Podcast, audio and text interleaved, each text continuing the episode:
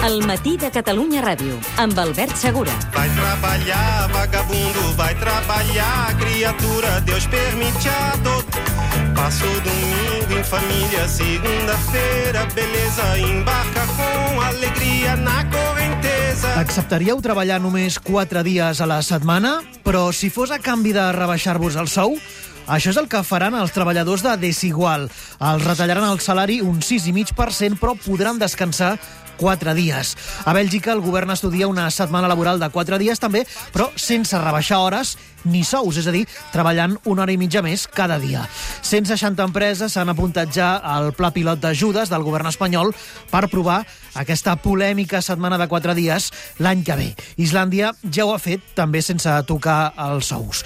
Professor Xavier Sala i Martín, bon dia. Hola, molt bon dia. Treballem massa hores o tenim un problema de productivitat? El concepte de massa o massa poc depèn del que, del que vulguem. Deixa'm explicar una història. L'economista més important, o com a mínim més influent del segle XX, que es deia John Maynard Keynes, l'any 1930 va predir que gràcies a les, al progrés tecnològic, gràcies a l'augment de la productivitat que hi havia en aquell moment i que ell anticipava que seguiria les properes dècades, ell va dir que cap a l'any 2000, a l'any 30 va dir cap a l'any 2000, més o menys treballaríem 15 hores a la setmana.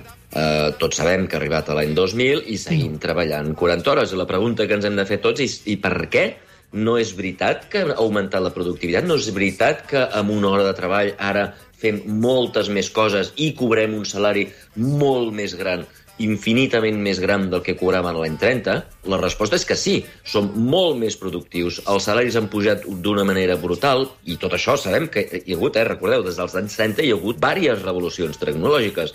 Recordeu, als anys 30 es va introduir o generalitzar l'electricitat que s'havia inventat a finals del segle XIX, es va eh, generalitzar l'ús de l'automòbil, van canviar les ciutats, van canviar les carreteres, van canviar els carrers, van aparèixer els ordinadors, va aparèixer la tecnologia celular, va aparèixer la culminació de, la, de les dues tecnologies, que és el telèfon eh, mòbil eh, o el telèfon intel·ligent. Fixa't que hi ha hagut un enorme progrés tecnològic, però en canvi seguim treballant 40 hores. I la pregunta és per què seguim treballant 40 hores?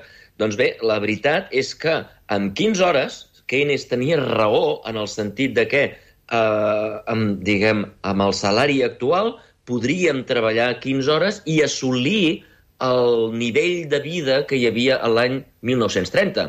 Però recordeu que el nivell de vida a l'any 1930 doncs, volia dir que a les cases no hi havia aigua corrent, no hi havia electricitat, no hi havia calefacció, no hi havia electrodomèstics. I què passa? Que avui volem tot això. Avui la persona normal no només vol tot això, sinó que considerem bàsic tenir corrent, tenir electricitat, tenir calefacció, tenir aigua, eh, tenir aigua dins de casa, fins i tot tenir aire condicionat, fins i tot tenir internet es considera gairebé una cosa bàsica per tenir, i com que nosaltres volem tenir tot això, no volem tenir el nivell de vida de l'any 1930, volem tenir el nivell de vida de l'any 2021. I el nivell de vida de l'any 2021 requereix guanyar molts més diners perquè totes aquestes coses costen calés. I com que volem, eh, volem tenir totes aquestes coses, doncs acabem treballant 40 hores. Per tant, la pregunta és, treballem massa? Mm, Bueno, no, no. Si, si volem tenir totes les coses que, que tenim, si volem tenir eh, els armaris plens de roba i no tenir una peça de roba com tenien els nostres avis a l'any 1930, si volem menjar sushi, si volem viatjar el, el, durant l'estiu, si volem fer totes les coses que fem i que no feien els nostres avis, doncs no, no, no treballem massa, treballem el que, ens, eh, el que, el que volem, diguem, eh, en correspondència al, al, que volem, al que volem tenir. Uh -huh. Per tant, no és només una qüestió de productivitat, sinó és una qüestió de què és el que volem comprar amb el fruit del nostre salari.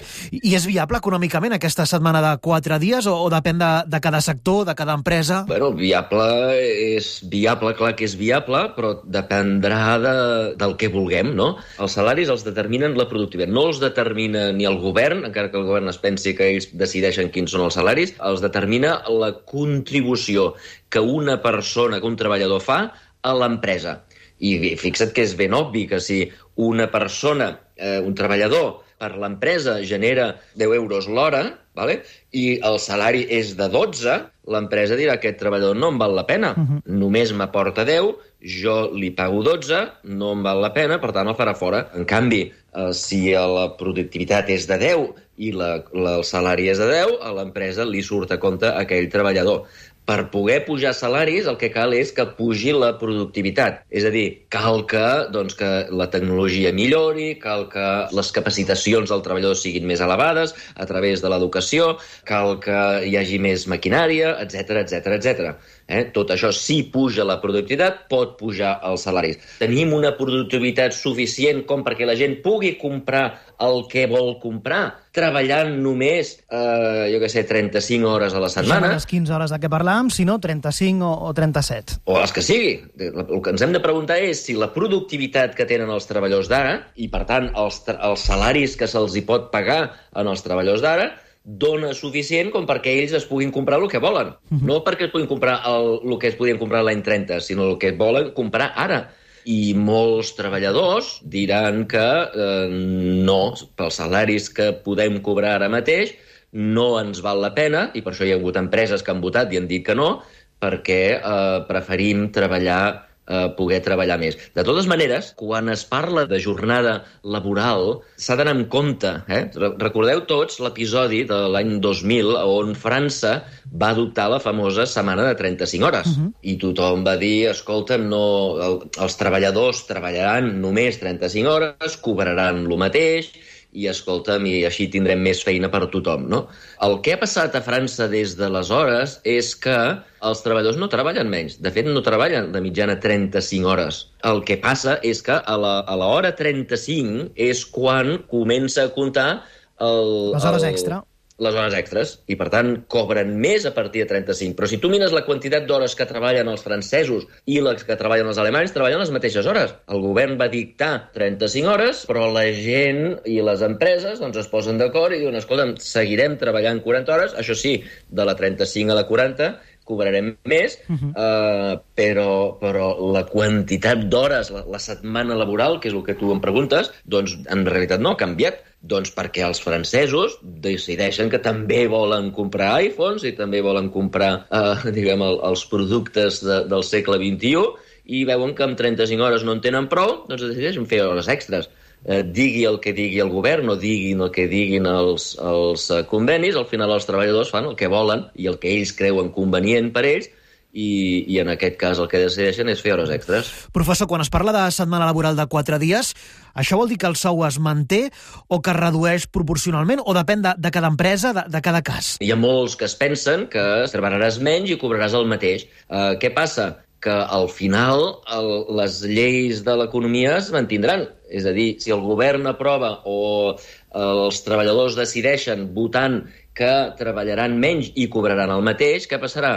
Que llavors hi haurà persones que veuran que, el que dèiem abans, que la productivitat que tenen mm. és més baixa que el salari, a l'empresa no li surt a compte tenir aquest treballador quatre dies i seguint-li pagant cinc, i per tant el que farà serà acomiadar-los. Això farà que es canviïn els salaris, no? canviaran els salaris, canviarà l'oferta i la demanda de tot i, i s'ajustarà, igual que ha passat a França, fins, a, fins que, el, fins que, fins que les coses tornin a la normalitat. I la normalitat tornarà doncs, que baixaran els salaris fins al nivell de la productivitat i a partir d'aquí la cosa continuarà. Els treballadors diran, escolta, jo per aquest salari més baix no em surt a compte perquè no arribo a final de mes, haig de fer més hores i al final acabaran treballant eh, eh, 40 hores igual que abans. Això, això és exactament el que ha passat a França. I en una economia més com la catalana, molt depenent dels serveis del sector turisme, com s'aplicaria aquesta jornada laboral de 4 dies? Serà complicat perquè hi ha, una fal·làcia que és que un, eh, molta gent es pensa eh, que el número d'hores de feina d'una economia, d'un país, eh, eh, com Catalunya, doncs és, és fixa, està, mm. és constant, està donat, no? Uh -huh. eh, a Catalunya hi ha, no sé, 4 milions d'hores de treballar. Llavors hem de dividir-ho entre tots els catalans perquè així tots tinguem feina i llavors, diguem, mira, surt a 4 dies eh, per, per, a 4 dies per persona o 5 dies o el que sigui, no? Això no és veritat. No, el número d'hores no està fixat Uh, imagina't, ja que parles del sector, del sector serveis, imagina't el sector turisme, no? Uh, hi ha turisme, llavors podem, hem de fer, què sé, tours, uh, tours per Barcelona, no? Hem d'ensenyar la Sagrada Família i, i coses, no? I imagina que hi ha, hi ha turistes i, i a cada tour, de, doncs, un tour de 10 persones, doncs dura una hora. Si tenim, um, jo què sé, uh, 100 guies, doncs podrem agafar cada hora 10 turistes, podem fer 1.000 turistes, i els altres turistes que vulguin veure doncs no, podran, no els hi podrem oferir els serveis, no hi ha prous treballadors, no? Uh, si tenim 1.000 uh, guies, aleshores podem agafar uh, 10.000 turistes en lloc de 1.000. Eh? Si augmentem el número de guies, fixa't, hi haurà més feina, i llavors hi haurà més turistes que podran uh, fer els tours. I, per tant, quan més treballadors tinguem, més feina podrem fer la quantitat d'hores no està fixada, la quantitat d'hores la determinem i hi haurà turistes que diuen, mira, vostè no pot venir a Catalunya perquè no tenim prous serveis, no el podrem acollir, vostè no podrà dormir perquè no tenim prous personals d'hotel i, per tant, activitat econòmica es reduirà si no, tenim, eh, si no treballem i si l'activitat econòmica es redueix, doncs el número d'hores que farem servir eh, a l'economia es reduirà. La quantitat d'hores no està fixada, la quantitat d'hores la determinem nosaltres, entre tots, en funció de la quantitat que vulguem treballar, de la quantitat de coses que vulguem fer. Podem eh, suportar, podem fer treballar quatre dies? Sí, podríem, és factible, però el que voldrà dir això és que l'economia serà més petita, eh, i, per tant, diguem, cobrarem menys i al final tornarem a la pregunta inicial. Mm. Eh? Si treballem menys i cobrem entre tots, cobrem menys, doncs podrem comprar menys coses. I a lo millor en lloc de, de tenir iPhones a casa, doncs haurem de tornar als telèfons menys intel·ligents eh, que teníem abans. Podem tenir un nivell de vida més baix, assolint menys béns, eh, però això és una cosa que hem de decidir. No és una cosa ni que sigui bona ni que sigui dolenta. És a dir, podríem, tornant a la pregunta inicial, podríem, entre tots, decidir tenir el nivell de vida de 1930 i treballar molt poc. Podríem fer-ho, això. El que passa que és que no volem. Ni l'electricitat és gratis, ni el gas és gratis, ni res d'això és gratis. Tot això costa calés i per tenir aquests calés hem de treballar. Quants dies hem de treballar? Doncs depèn del nivell que vulguem assolir. Eh, clar, potser si parlem de la setmana laboral del futur hauríem de fixar-nos més en la flexibilitat d'aquestes jornades i no pas tant en pensant a reduir la jornada. Sí, ben, la gent ha de, ha de triar. A, a banda de voler comprar coses, òbviament, tots volem també tenir més dies de festa. Tots volem tenir més hores durant el dia per poder fer coses, per poder anar a jugar a futbol, per anar, poder anar a passejar amb els nens, per poder... Eh, és a dir, el lleure, les activitats de lleure, també les valorem, també les volem tenir. Però llavors hem de triar. Uh, clar, si tenim molt de lleure, molts dies de festa, moltes vacances, molt poques hores de treball al dia, això, òbviament, és molt, és molt bo perquè ens agrada tenir lleure, però, per altra banda, això vol dir que cobrarem menys. I si cobrarem menys, tindrem menys productes que també ens agrada tenir. Eh? Volem tenir la calefacció, volem tenir l'iPhone, volem comprar coses, volem tenir la nevera plena, no volem passar gana, volem anar de viatge a l'estiu, volem anar a Bali, ja no, ja no hi ha prou anar al Nou, ara ja volem anar a Bali.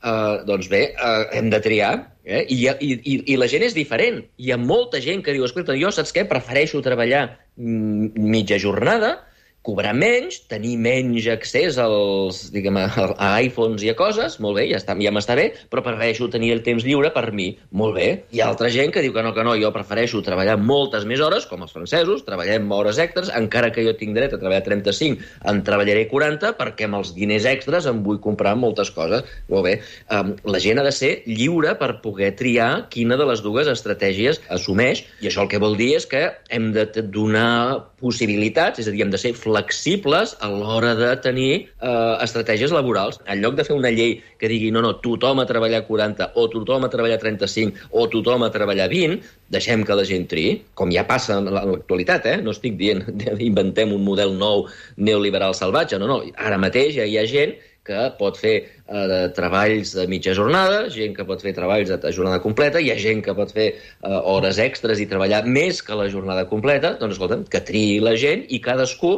depenent de les seves preferències, del que prefereixi, si prefereix més lleure o prefereix més, eh, més coses, eh, que s'han de comprar, doncs, escolta'm, cadascú triï a dins de l'espectre, dins de la constel·lació d'oportunitats, doncs que cadascú triï la que li vagi millor. I què creu que acabaran triant els treballadors? Va, professor, mullis una mica. Com serà el mercat laboral del futur? Ja t'he explicat, l'economista més famós i més influent del segle XX va cometre un error catastròfic en la seva predicció. A les escoles l'expliquem, no?, precisament per visualitzar la incapacitat que tenim els economistes, fins i tot els més brillants, de fer aquest tipus de prediccions de futur.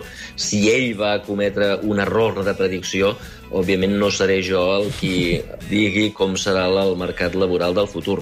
El que sí que jo sospito és que el progrés tecnològic no s'aturarà i, per tant, seguiran passant dues coses. Una, cada vegada serem més productius, és a dir, cada vegada els salaris seran més alts, però, per altra banda, cada vegada hi haurà més coses que voldrem comprar i com que s'haurà de pagar, doncs igual d'aquí 100 anys doncs, faran un programa i diran, escolta'm, com pot ser que estiguem a l'any 2121 i encara estiguem treballant 40 hores a la setmana? Que no ha augmentat la productivitat? I la resposta és sí, ha augmentat la productivitat, però hi ha tantes coses per comprar que preferim seguir treballant moltes hores per comprar-les. Doncs veurem si el 2121 algú ens escolta i recupera aquesta conversa. Què tal han envellit les previsions del professor Xavier Sala i Martín? Gràcies per aquest informe econòmic. Professor, bon dia. Moltes gràcies, vosaltres, bon dia. Treballar per aquí, per aquest